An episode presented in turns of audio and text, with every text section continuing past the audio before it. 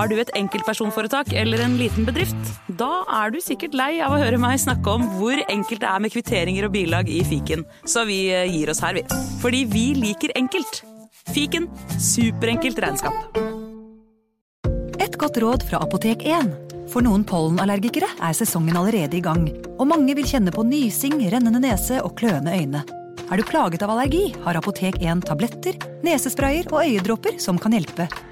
Skyll øyne og nese med saltvann regelmessig, og skal du ha vinduet åpent, bør du dekke det med et pollenett. Kom innom og få råd på ditt nærmeste Apotek 1, eller chat med oss på apotek1.no. Apotek 1 vår kunnskap, din trygghet. Advarsel. I denne podkasten vil du høre historier basert på informasjon programlederne har funnet selv. Programlederne står ikke nødvendigvis inne for meninger og syn som fremstilles. Noen påstander kan avvike fra virkeligheten.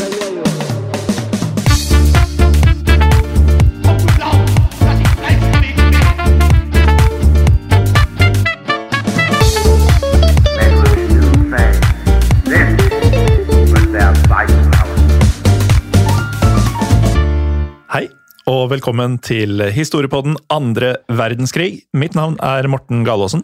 Og det betyr at mitt er Jim Fosheim. Ja, Betyr det det? altså I en verden hvor jeg heter Morten Galaasen, Ja. eh, så vil jo du eksistere som Jim Fosheim. Ja.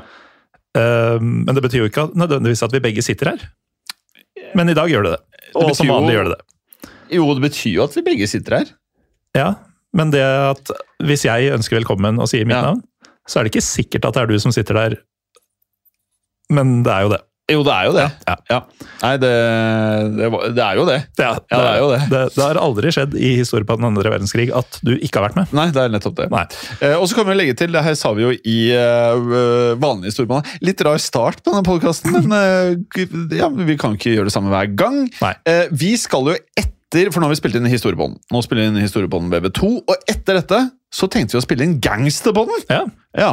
Uh, hvorfor er jeg med der, da? Nei, du skjønner at det, der er det vanligvis uh, Henrik Fladseth. Altså Ja, han er, Han eh, morsomme. komikeren som har slått seg opp noe voldsomt mm. siste året. Voldsomt! Ja. Uh, og han skal ikke være med i de neste fire til seks episodene. Mm. Og da sa han at han hadde hørt noen podkaster med oss, og Ja. mente at vi hadde en ok tone. Så det kunne funke. Ja, han mente at eh, liksom, det er ikke så ulikt dette her. Mm. eh, bortsett fra at vi bare prater om gangstere. Ja. Gangsters. Nei, ikke sant? Ja. Nei, men Det betyr jo egentlig at eh, for deg som hører på denne podkasten, hvis du liker vår måte å fortelle ting på og vår dynamikk, så kan man høre mer av det i Gangsterpodden i noen uker framover. Ja, og da er det bare gangstere, da. Ja, som du sa. Ja. Ja. Og så, hvis du er en av de som kan hjelpe oss med noe som jeg tror er veldig vanlig for mange, eh, som er på Facebook, nemlig å lage en poll. Mm. For nå trodde jeg at vi hadde knokket koden, for vi hadde en lytter slash et medlem av Facebook-gruppen og Historie for alle, som nå hadde laget det som så ut som en poll, nemlig eh, hvor mye gørr eh, man skal ha i historiepodden 1 og 2. Mer, mindre, eller er det passe med gørr? Ja. Og så godkjente denne her sånn at den kom på Historie for alle, men så viser det seg jo da at det ikke går an å stemme. Det er litt rart. Så det virker ikke som dette her med poll Det er ikke bare vi som har problemer med det. Nei. Det er flere. Uh, men det er mye annet som uh, det bare er vi som har problemer med, uten Ja. at vi skal gå i detalj på det akkurat nå. Eh, dagens episode, Jim, den skal handle om Vi har jo vært litt innom det i det siste, at Ja, vi vil snakke mer om eh, de allierte. Ja. Eh, For det er ikke bare håper å si, merkverdige mennesker på, på den tyske siden. Nei. Um, og vi skal snakke om en av de mest hardbarka britiske soldatene under andre verdenskrig. En mann som ved én anledning, egenhendig, altså på egen hånd, tok hele 23 000 tyske soldater til fange. Og det høres ut som jeg bare tuller, men Ja, det som vi skal få høre, det gjør jeg ikke. Dette er da en mann ved navn Tommy McPherson, Tommy McPherson! offiseren som fikk kallenavnet The Kilted Killer. Hør på det. Mm. The Kilted Killer. Og som mange sikkert forstår ut ifra kallenavnet, altså The Kilted Killer. Så, og jeg sa jo Tommy McPherson Mm. uh, med min uh, halvgebrokne Scottish accent. Yes. Uh, det var dårligere enn min. Eh, så var han med andre ord glad i å bruke kilt. Yeah. Noe som da også da avslører, om jeg ikke allerede har gjort det, hvilket land vi skal bevege oss til. Aller først i dagens historie.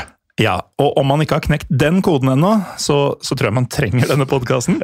Vi skal uansett til Skottland. Skottland. Skottland! Skålen! For her ble dagens hovedperson Ronald Thomas Stuart McPherson, bedre kjent som Tommy McPherson, født den 4. oktober 1920 i byen Edinburgh. Edinburgh. Og Tommy han ble da født inn i en av byens mest velstående familier.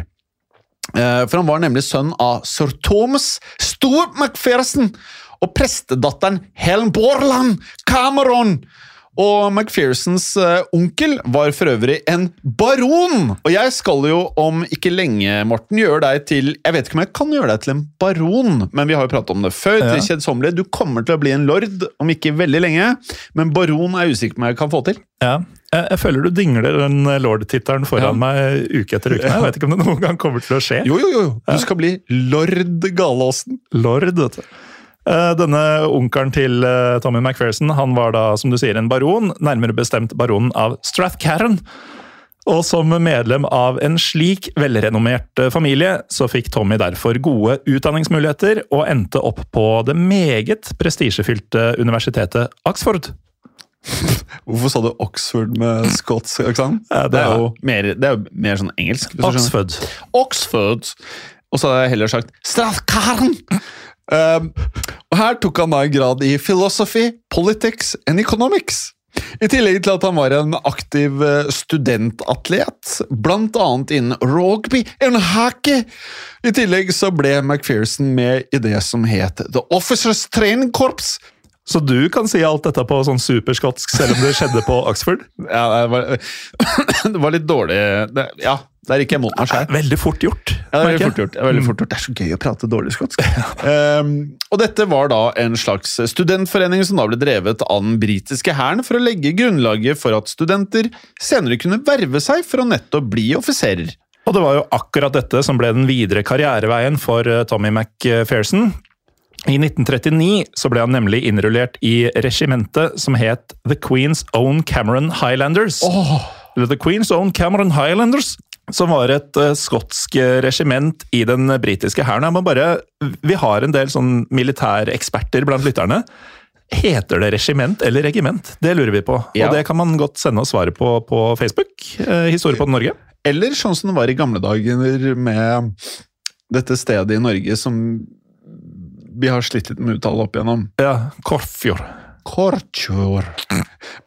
Uansett da, Morten, så var det sånn at de skotske soldatene de gikk jo da kledd med kilt. Noe McPherson da skal ha fortsatt med å gjøre da han da ble overført til en kommandosoldatenhet i løpet av 1940. Ja, og andre verdenskrig hadde jo som kjent brutt ut i 1939, da Nazi-Tyskland invaderte Polen, og Storbritannia og Frankrike derfor erklærte krig mot Tyskland. Ja, og etter hvert også Italia, som da gikk inn på tysk side i 1940. Dette førte da til at italienerne og tyskerne forsøkte å angripe Nord-Afrika, nærmere bestemt Egypt, som på dette tidspunktet var kontrollert av britene. Og det var nettopp til Nord-Afrika at eh, Tommy McPherson ble sendt som en del av denne kommandoenheten som han tjenestegjorde i. I løpet av november 1941 deltok han nemlig i det som ble kalt eh, Operation Flipper. Ja. Som var en serie britiske kommandoraid, bl.a. mot eh, hovedkvarteret til den eh, meget berømte tyske generalen Erwin Rommel, eh, som da lå i Libya. Ja, men raidet gikk relativt dårlig for britene, som da rett og slett måtte trekke seg tilbake uten å ha oppnådd noen av målene sine. McPherson hadde da i forkant av raidet fått i oppgave å utføre en slags rekognosering. Eh, og dette skulle han da gjøre i en gummibåt sammen med fire andre soldater. Men denne gummibåten den punkterte, og da ble gruppen rett og slett nødt til å ta seg tilbake til sikkerhet over land. Ja, Og dette da uten at de var utstyrt med verken vann, mat eller kart. Noe som ville vært hjelpsomt i den eh, nådeløse ørkena som du finner i Libya. Ja. Og ettersom de britiske soldatene da måtte ta turen gjennom fiendtlig territorium, så tok det ikke lang tid før McPherson og co. støtte på fiendtlige soldater. Ja, Nærmere bestemt en gruppe med italienske soldater som tok McPhersons gruppe til fange.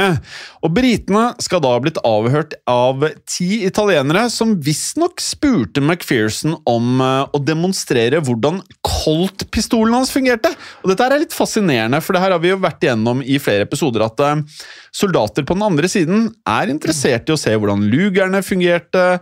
Og på samme måte så var de interessert i, i colten hans. Ja, men det er noen ganger eh, altså Hva er det uttrykket heter? Curiosity kill the cat. Ja. Fordi eh, de ville jo da ha McPherson til å demonstrere hvordan dette fungerte, og det gjorde han ved å sette et reservemagasin inn i Colten før han retta den nå ladde pistolen mot italienerne, som han deretter forsøkte å ta som gisler. Ja, og så nå begynner vi å bevege oss inn på hvorfor han ble kalt The Kilted Killer.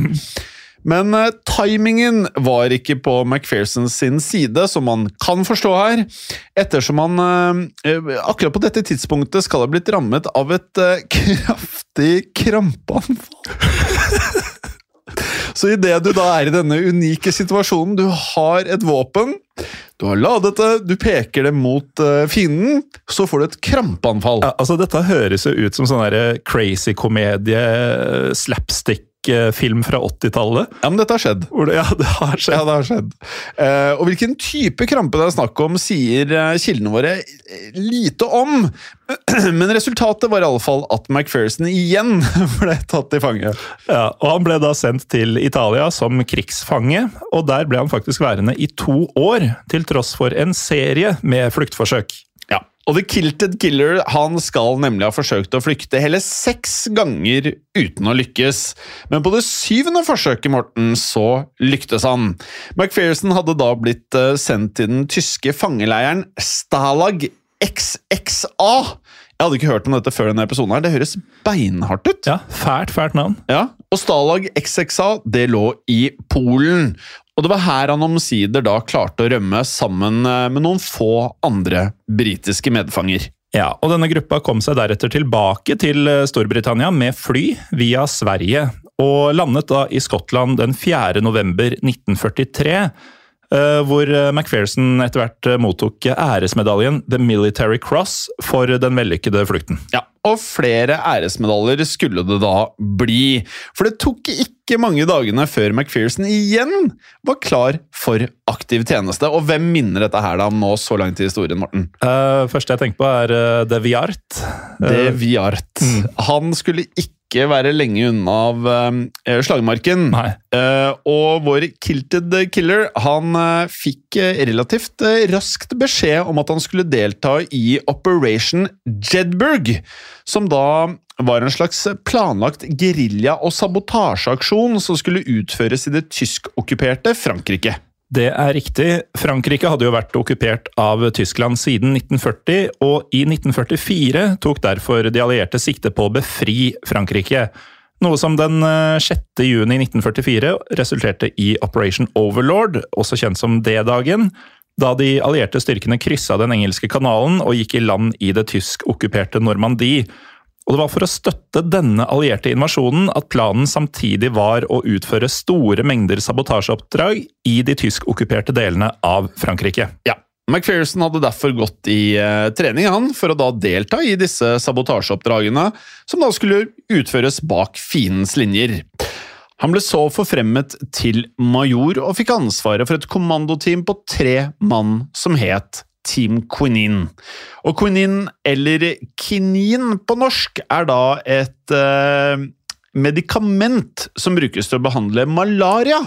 Ja, og utover McPherson så besto Team Quinin av den britiske radiooperatøren Arthur Brown og den franske løytnanten Michel de Bourbon. Og natta til 8. juni 1944, altså to dager etter D-dagen, altså den allierte invasjonen av Frankrike og Normandie, så ble de tre kommandosoldatene sluppet ned med fallskjerm i regionen Aurillac i Sør-Frankrike. Ja. Og hvordan det gikk, Jim, det skal vi høre om etter en kort pause. Velkommen tilbake. Før pausen nevnte vi at Team Quinine hadde blitt sluppet ned i fallskjermer over det tyskokkuperte Frankrike. Og McPherson skal da ha landet iført en uh, tradisjonell skotsk Highlander battle dress. Uh, bare hør, det høres vel fantastisk ut. Highlander battle dress. Altså, Det kan være hva som helst, men jeg tror jeg veit i hvert fall ett av plaggene som hørte til i denne battledressen. Ja, Og så er jo da spørsmålet hva som er under denne Highlander battledressen. Ja. Uansett, dette innebar da at han eh, hadde på seg en uh, kilt, eh, etter hva vi forstår av den klassiske sorten. Noe som tilsynelatende skapte forvirring blant medlemmene av den franske motstandsbevegelsen, som da Team Quinine hadde avtalt å møte. Ja, McPherson skrev senere følgende om det som så skal ha blitt sagt. Just as I arrived, I heard an excited young Frenchman saying to his boss, Chef, chef, there's a French officer and he's brought his wife. Og McPherson innrømte senere i en eh, selvbiografi noe sånn som følgende. They're mistaking me for a woman wearing a skirt was an easy error to make. uh, Men han la også til følgende. As a British officer parachuted into a resistance situation, your only authority was your own personality, which I had tried to reinforce with my kilt and a degree of flamboyance. Og McPherson skulle i høyeste grad klare å få frem denne særegne personligheten sin i løpet av de neste månedene. Allerede dagen etter at teamet hans hadde landa og tatt kontakt med motstandsbevegelsen, La Resistance, så bestemte McPherson seg for å gå til aksjon mot tyskerne ved å sprenge en jernbanebro. Han virker jo som en ganske sånn jovial og også morsom type. Morsom type som det er litt tak i. Ja. Altså, Skal ikke hvile på laurbæra i noen der. Vi går rett til aksjon. Med litt selvironi. Mm. Jeg kan se for meg han er, Det er sånne folk jeg tror man må ha i feltet. Altså, han er tøff, og han går frem som et forbilde, samtidig som han kan kanskje få folk til å smile. Ja, Lette på stemninga. Jeg tenker det. Eh, lette på litt forskjellige ting. Lette på kilten. Eh, dagen etter så kom det en beskjed om at den tyske tanksavdelingen SS Panzerdivision Das Reich var på vei gjennom nærområdet for å da forsøke å stanse den allierte langgangen i Normandie. Og Godt hjulpet av den franske motstandsbevegelsen, så utførte derfor McPherson og teamet hans en rekke sabotasjeaksjoner mot veiene og jernbanelinjene som tyskerne brukte til å ta seg frem. Ja. De skal blant annet ha klart å sperre 400 fiendtlige soldater inne i en eh, togtunnel i flere dager, og i tråd med at de allierte styrkene i Normandie klarte å kjempe seg lenger inn i Frankrike, så økte sabotasjeaktiviteten til Team Quenin i uh, omfanget. Ja, I løpet av de to månedene etter den allierte invasjonen så skal McPhersons team ha brukt eh, forskjellige huler og skogsområder som baser, og derfra systematisk ha sabotert diverse viktige bruer. I tillegg da til at de drepte eller tok til fange et betydelig antall tyske soldater. Ja, og Dette gjorde McPherson og co. rett og slett på daglig basis. Eh, noe som gjorde de til en eh, ja, må ha vært en, en, mer eller mindre en torn i siden på disse her eh, nazistene. Ja, og McPherson skal f.eks. ved en anledning ha sabotert en bomstasjon, sånn at en eh, tysk offiser faktisk ble halshugget av bommen da offiserbilen hans eh, skulle kjøre forbi den. Det er eh, bra tima. Det er voldsomt. Mm. Uh, McPherson var, etter hva vi kan forstå, uh, ikke en diskré type. For på vei til og fra disse sabotasjeaksjonene så skal McPherson også ha kjørt gjennom den franske landsbygden i en sort Citroën-bil som han hadde festet et britisk flagg på. Og det hørte jo tyskerne snart eh, rykter om, selvfølgelig. Ja. Og de la jo derfor to og to sammen, disse tyskerne, og kom frem til at eh, alle disse sabotasjeaksjonene måtte ha blitt utført av denne skotten som kjørte rundt i kilt med et britisk flagg på denne franske bilen sin. Ja, og vi har jo hørt det gang på gang i begge podkastene våre at eh, nazistene, eh, midt under en krig, eh, gir eh, ja, jeg holdt på å si finnerlønn, dusører, eh, litt sånn i tråd med gamle Wanted-plakater Mm. for at andre soldater skal klare å fange eh, visse soldater fra den andre siden. Ja. Og nazistene de utlyste en dusør på 300 000 franc til den som klarte å ta livet av McPherson. Om eh, man da rett og slett justerer denne summen for inflasjon, så snakker vi om nesten 10 millioner kroner i eh, dagens penger. Og det viser jo at tyskerne da tok eh, McPherson meget eh, seriøst. Men til tross for dette så fikk de eh, aldri tak i denne kiltkledde storsabotøren. Nei, som deretter gjennomførte sin mest spektakulære aksjon høsten 1944. Ja, dette her er jo noe av det sjukere vi har snakka om i noen av podkastene, tror jeg. For etter hvert som de allierte styrkene tok seg lenger og lenger inn i Frankrike, så måtte jo tyskerne til slutt gi tapt og trekke seg tilbake mot Tyskland. Og I denne situasjonen så fikk eh, McPherson nyss om at eh, en tysk avdeling på 23 000 soldater befant seg i nærheten av elva Loire. Som var i det samme området som eh, McPherson befant seg. Og McPherson han fikk i tillegg informasjon om at den tyske generalen, som da hadde kommandoen over denne avdelingen, altså Botho Henning Elster Altså, Jeg har aldri hørt uh, Vi har hatt mye navn her i eh, VV2. Jeg har aldri hørt om Botho. Det er en Nei, ny. det det er ikke en erketysk eh, general som heter Botho Elster, i hvert fall. Nei, og du husker, mulig.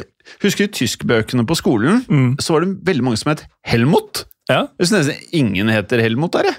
Nei, og det var ingen Botho-er i de, de bøkene.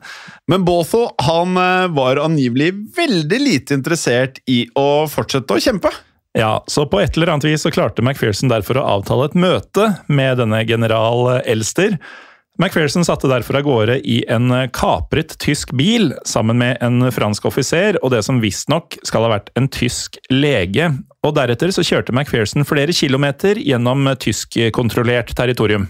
Ja, og McPherson skal så ha møtt general Botho Henning Elster og fortalt at dersom tyskerne ikke overga seg, ville McPherson gi ordre til artilleri og tanks som de hadde i nærheten, om å utslette hele styrken til Botho. Ja, så Botho Elster gikk derfor med på å overgi seg og vente på å bli tatt til fange av den nærmeste allierte hæravdelingen. Det general Botho Elster ikke visste, var at McPherson hadde bløffa fullstendig. Og jeg liker dette her, altså. Ja. McPherson sa nemlig eh, senere følgende om denne hendelsen. My job was to convince the general that I had a brigade, tanks and artillery waiting on the other side of the river. In truth, the only thing I could whistle up was Dixie, but he had no way of knowing that. Og dermed tok McPherson hele 23 000 tyske soldater som fanger, uten et eneste skudd. Ja, men eh, vi må jo innrømme, vi sa tidligere at han egenhendig gjorde det. Han Ja. hadde jo da med seg denne franske offiseren og en tysk lege. Ja da. Så ja da. Det er fortsatt imponerende. Ja, ja, det er veldig imponerende. Eh, Men han ga seg ikke der, Morten. Senere samme år så vendte nemlig McPherson tilbake til Italia. Og i Italia så utførte de eh, enda flere kommandoaksjoner mot de tyske og italienske styrkene i landet.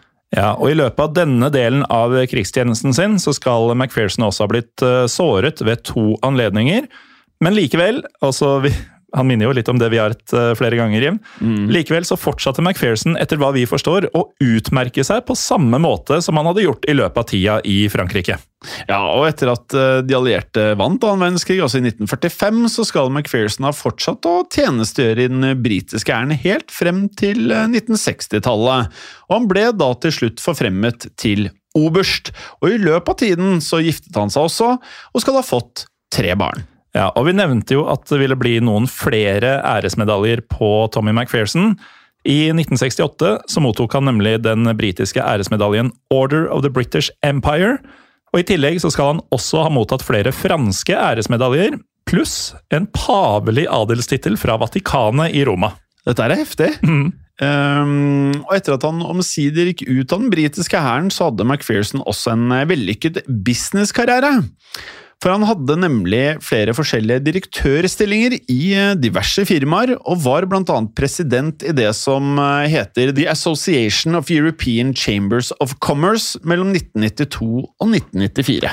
Og I 1992 så ble han også adlet av den britiske dronninga Elisabeth 2., og kunne dermed referere til seg selv som sir Tommy McPherson. Og så sent som i 2010 så publiserte McPherson selvbiografien sin, som fikk den passende tittelen Behind Enemy Lines. Ja. Og i en alder av 94 år så døde omsider Tommy McPherson, nærmere bestemt 6. november 2014. Og han ble da gravlagt i sitt elskede hjemland Scotland. For en fyr. For en mann! Han er eh, topp ti mest fascinerende så langt. Eller nå, nå det er så mange. Ja, det er mange. Det er vanskelig å rangere Mm. dette her, men eh, minner veldig om De Fiart. De Fiart. Og, og en del andre som vi har vært innom. Eh, I hvert fall en helt nydelig historie, Ja. synes jeg. Og igjen, da, noe man kanskje ikke har hørt om verken på skolen eller um, andre steder man har oppsøkt eh, historie. Ja, og så er det, mm, som vi har pratet om, veldig viktig å få frem disse allierte heltene også. Det er jo veldig fristende å gå i det der sporet med alle disse gale nazistene, men Mm. det er mye spennende på alliert side også. Definitivt. Ja. Og må jo si at The Kilted Killer, han øh, gjorde seg fortjent til navnet sitt.